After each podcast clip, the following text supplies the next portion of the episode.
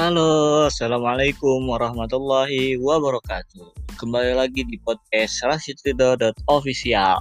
Oke, kali ini uh, aku mau berbicara seputar keuangan syariah. Ya, masih seputar keuangan syariah. Kali ini kita akan membahas tentang reksadana syariah. Wah, investasi syariah. Kira-kira boleh atau enggak ya? Dengan penduduk mayoritas muslim terbesar di dunia, Indonesia ini menjadi target pasar paling potensial untuk berproduk berbasis syariah. Nah, perkembangan investasi syariah juga naik dari tahun ke tahun, teman-teman. Nah, hal ini dimulai dari semakin tingginya masyarakat terhadap perbankan syariah. Salah satu indikatornya ya tadi makin marak ya produk-produk investasi syariah, produk-produk syariah yang lainnya. Nah, itu menjadi bukti bahwa minat masyarakat Indonesia terhadap berbagai produk berbasis ekonomi syariah itu makin hari semakin tinggi.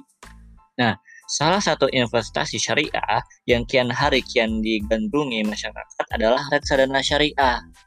Nah, sampai kaum-kaum milenial pun ikut berkontribusi dalam eh, investasi syariah ini. Nah, reksadana syariah adalah jenis investasi di mana keseluruhan prosesnya memenuhi syarat yang halal sesuai dengan prinsip syariah.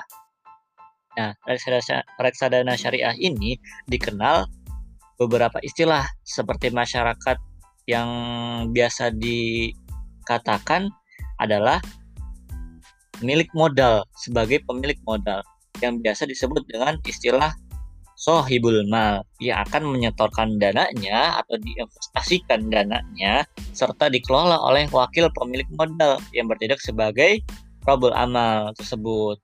Nah, mengingat betapa berkembangnya reksadana syariah ini serta banyaknya keuntungannya yang bisa dipetik oleh masyarakat, maka mengulasnya menjadi salah satu yang sangat menarik.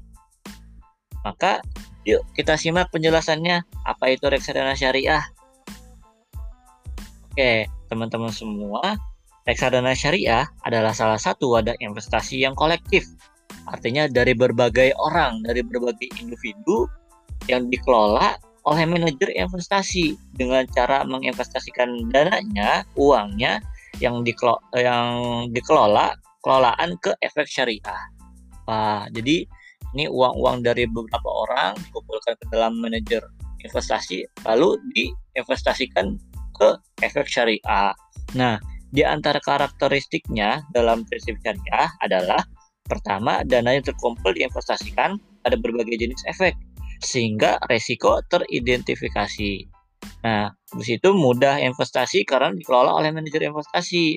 Nah, investor juga tidak perlu memantau terus-menerus, harus dipantengin terus. Enggak. Jadi karena sudah dikelola oleh manajer investasi. Itu teman-teman. Nah, maka hasil yang optimal, liquid karena pencairan dan investasi dapat dilakukan sewaktu-waktu Nah, investor menerima laporan secara berkala, biasanya setiap bulan, dan dapat mengetahui hasil investasi ini setiap saat. Nah, sesuai dengan syariah, hanya dapat diinvestasikan pada efek syariah. Nah, lembaga legalitasnya juga terjamin dan diawasi oleh OJK, Otoritas Jasa Keuangan, dan juga DPS, Dewan Pengawas Syariahnya atau DSN UI. Nah, sebagaimana yang ada di fatwa DSN UMI nomor 20 yaitu tentang pedoman pelaksanaan investasi untuk reksadana syariah. Nah, sekarang kita harus ketahui nih teman-teman bagaimana landasan dari reksadana syariah ini. Yang pertama adalah landasan dari firman Allah Subhanahu wa taala yang berbunyi Allahul bai'a wa riba. Allah menghalalkan jual beli dan mengharamkan riba.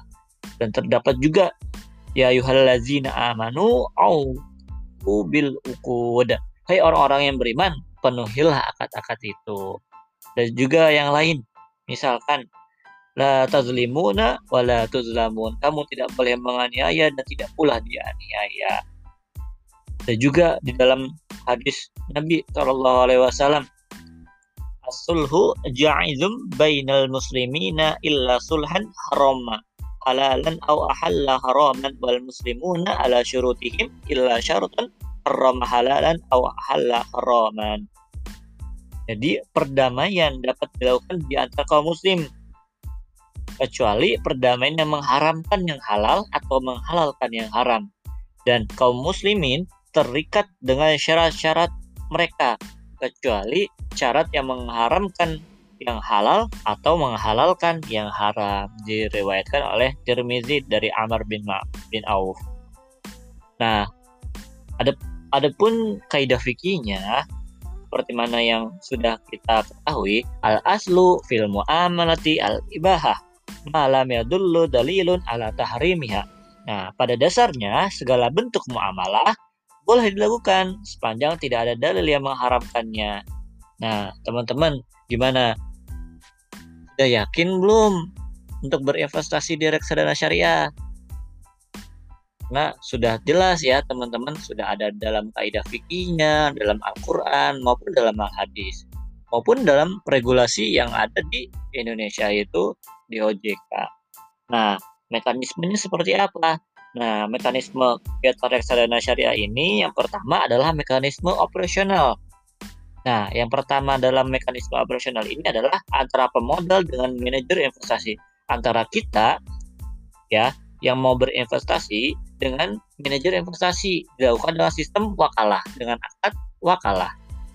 Nah, yang kedua, antara manajer investasi dan pengguna investasi dilakukan dengan sistem mudorobah atau bagi hasil. Nah, yang kedua ada karakteristik sistem mudharabah.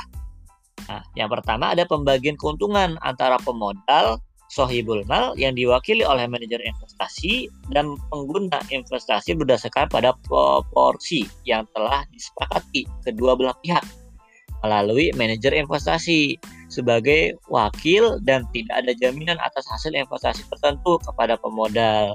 Nah, pemodal juga hanya menanggung resiko sebesar dana yang diberikan. Gitu.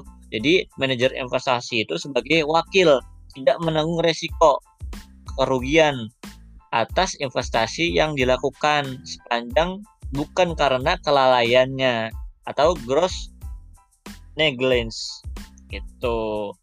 Jadi sudah paham ya teman-teman bagaimana dengan reksadana syariah Yuk kita berinvestasi di reksadana syariah. Orang lebihnya mohon maaf. See you. Assalamualaikum.